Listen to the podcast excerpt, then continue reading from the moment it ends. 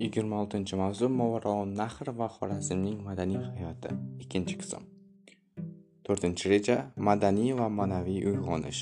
To'qqizinchi asrning ikkinchi yarmida xalifalik hukmronlik tugab somoniylar boshqaruvining qaror topishi bilan madaniy hayotning rivoji uchun keng yo'l ochiladi. Nahrning madaniy hayotida uyg'onish davri boshlanadi. Buxoro samarqand urganch marv balx nishopur kabi markaziy shaharlarda kutubxonalar kitob do'konlari qurilgan. Nahr va xorazm jahon fani va madaniyati taraqqiyotiga ulkan hissa qo'shgan buyuk siymolarni o'z bag'rida tarbiyalab kamolotga yetkazadi. Yo'l ochiladi. Nahrning madaniy hayotida uyg'onish davri boshlanadi.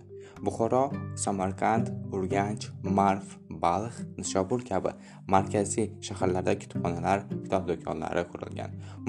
Nahr va xorazm jahon fani va madaniyati taraqqiyotiga ulkan hissa qo'shgan buyuk siymolarni o'z bag'rida tarbiyalab kamolotga yetkazdi. Bir ming to'rtinchi yilda shakllangan dorulhikmat va Ma'rif bilimdonlik va maorif uyi mamun akademiyasining asosini abu nasr ibn iroq o'ninchi asr bir ming o'ttiz to'rt abdulxayr ibn hammor to'qqiz yuz to'qson bir bir ming qirq sakkiz abu sahl masihiy to'qqiz yuz yetmish bir ming o'n bir abu Raham beruniy to'qqiz yuz yetmish uch bir ming qirq sakkiz abu ali ibn sino to'qqiz yuz sakson bir ming o'ttiz yetti va boshqalar tashkil etgan. Bir ming o'n yettinchi yil mahmud g'aznaviy xorazmga bostirib kirgandan so'ng dorul hikma va ma'rifning faoliyati tugatilgan olimlarning ko'pchiligi g'azna shahriga majburan olib ketilgan 1997 yil 11 noyabrda O'zbekiston Respublikasi Prezidentining Xorazm Momun akademiyasini qaytadan tashkil etish to'g'risidagi farmoni chiqdi. 2006 yil kuzida respublikamizda Xorazm Momun akademiyasining 1000 yilligi nishonlandi. 2014 yil may oyida Samarqand shahrida o'rta asrlarda sharq olamida yashab ijod etgan buyuk alloma va mutafakkirlarning ilmiy merosini chuqur muhokama qilish va anglash uning zamonaviy sivilizatsiya tarixida tutgan o'rni va roliga baho berish maqsadida o'rta asrlar sharq allomalari va mutafakkirlarining tarixiy merosi uning zamonaviy sivilizatsiya rivojidagi roli va ahamiyati mavzusida xalqaro konferensiya o'tkazildi. Unda ellikka yaqin mamlakatlardan tashrif buyurgan vakillar ishtirok etdi. Konferensiya yakunida tegishli hujjatlar qabul qilindi.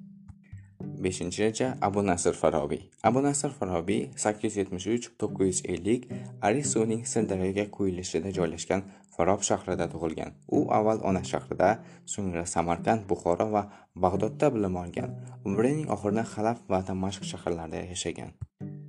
Farobiy riyoziyot falakkiyot tabobat musiqa mantiq falsafa tilshunoslik tarbiyashunoslik va adabiyot sohalarida ijod etgan. U 160 dan ortiq asar yozib o'rta asr ilm fan va madaniyatiga ulkan hissa qo'shdi. Bular orasida arastuning metafizika asariga sharh musiqa kitobi baxt saodatga erishuv haqida tirik mavjudot a'zolari haqida fozil odamlar shahri va boshqa ko'pgina asarlari muhim ahamiyatga ega bo'lgan.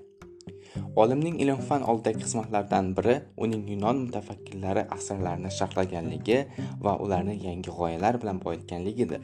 U o'rta asrlarda mukammal hisoblangan ilmlar tasnifini yaratadi.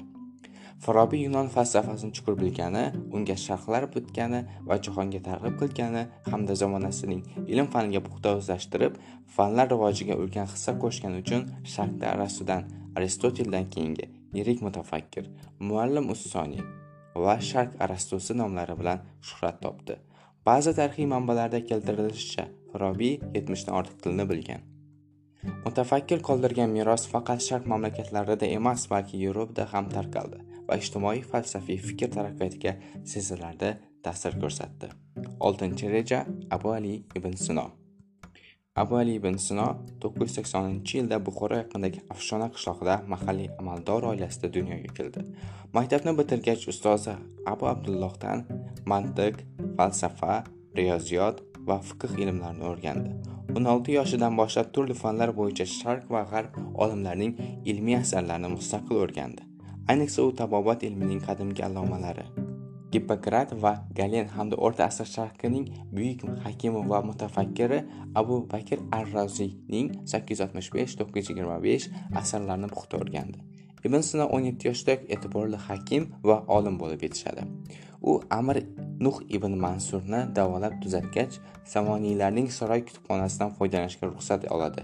Ibn sino taqdir hukmi bilan gurganchdagi xorazm mamun akademiyasi olimlari qatorida ijod qiladi. U 1037 yilda vafot etadi va hamadonda dafn etiladi. Abu ali ibn sino sharqda shayx ur rais g'arbda esa avitsenna nomlari bilan shuhrat topdi.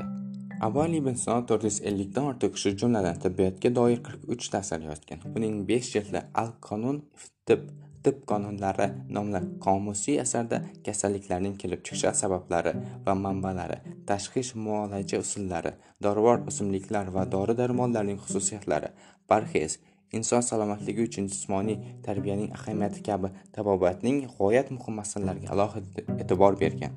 Uning al qonun tib asari 12 asrdayoq lotinchaga tarjima qilinib to 17 asrgacha yevropa tabobatida asosiy qo'llanma sifatida foydalanilgan. 7 reja abu rayhon beruniy. Abu rayhon beruniy 973-1048 xorazmning kat shahrida tug'ilib o'rganchda ta'lim olgan. Xorazmshoh abul abbos mamun ikki soatda to'plangan olimlar bilan birgalikda mamun akademiyasida ijod qilgan. Xorazm mahmud g'aznaviy tomonidan bosib olingach beruniy va boshqa olimlar bilan birga g'azna shahriga olib ketiladi va umrining oxirigacha shu yerda ijod qildi. Beruniy 1048 yilda g'aznada vafot etdi. Beruniy astronomiya geografiya matematika va tarix fanlari bo'yicha 160 dan ortiq asarlar yozgan. Uning qadimgi xalqlardan qolgan yodgorliklar hindiston mineralogiya geodeziya kabi yirik asarlari shular jumlasidandir. U o'zining astronomiyaga oid asarlarida kopernikdan qariyb 5 asr muqaddam yerning quyosh atrofida aylanishi haqida fikrni o'rta asrlarda birinchi bo'lib ilgari surdi. Beruniy yerni dumaloq shaklda ekanligini isbotlab berdi. U 1029 ta yulduzning koordinatalari kattaliklari qayd etilgan yulduzlar jadvalini hamda dunyoning geografik kartasini tuzgan beruniy yevropalik olimlardan 450 yilcha oldin amerika qit'asi mavjudligini taxmin qilib o'z asarlarida bir necha bor yozgan. Beruniyning g'arbiy yarim sharda katta quruqlik borligi to'g'risidagi fikri 15-16 asrda o'z tasdig'ini topdi. Beruniy yer aylanish uzunligini o'lchashda yangi usul matematik usulni ishlab chiqdi. U birinchi bo'lib yer shari globusni yaratgan. Beruniyning ilmiy va falsafiy ulkan merosi shubhasiz jahon fani va madaniyat xazinasiga qo'shilgan ulkan hissa bo'ldi. Islom karimov o'zbekiston respublikasi birinchi prezidentining nutqi. Agar yevropa uyg'onish davrining natijalari sifatida adabiyot va san'at asarlari arxitektura durdonalari tibbiyot va insonni anglash borasida yangi kashfiyotlar yuzaga kelgan bo'lsa sharq uyg'onish davrining o'ziga xos xususiyati avvalo matematika astronomiya fizika ximiya geodeziya farmakologiya tibbiyot kabi aniq va tabiiy fanlarning shuningdek tarix falsafa va adabiyotning rivojlanishida namoyon bo'ldi.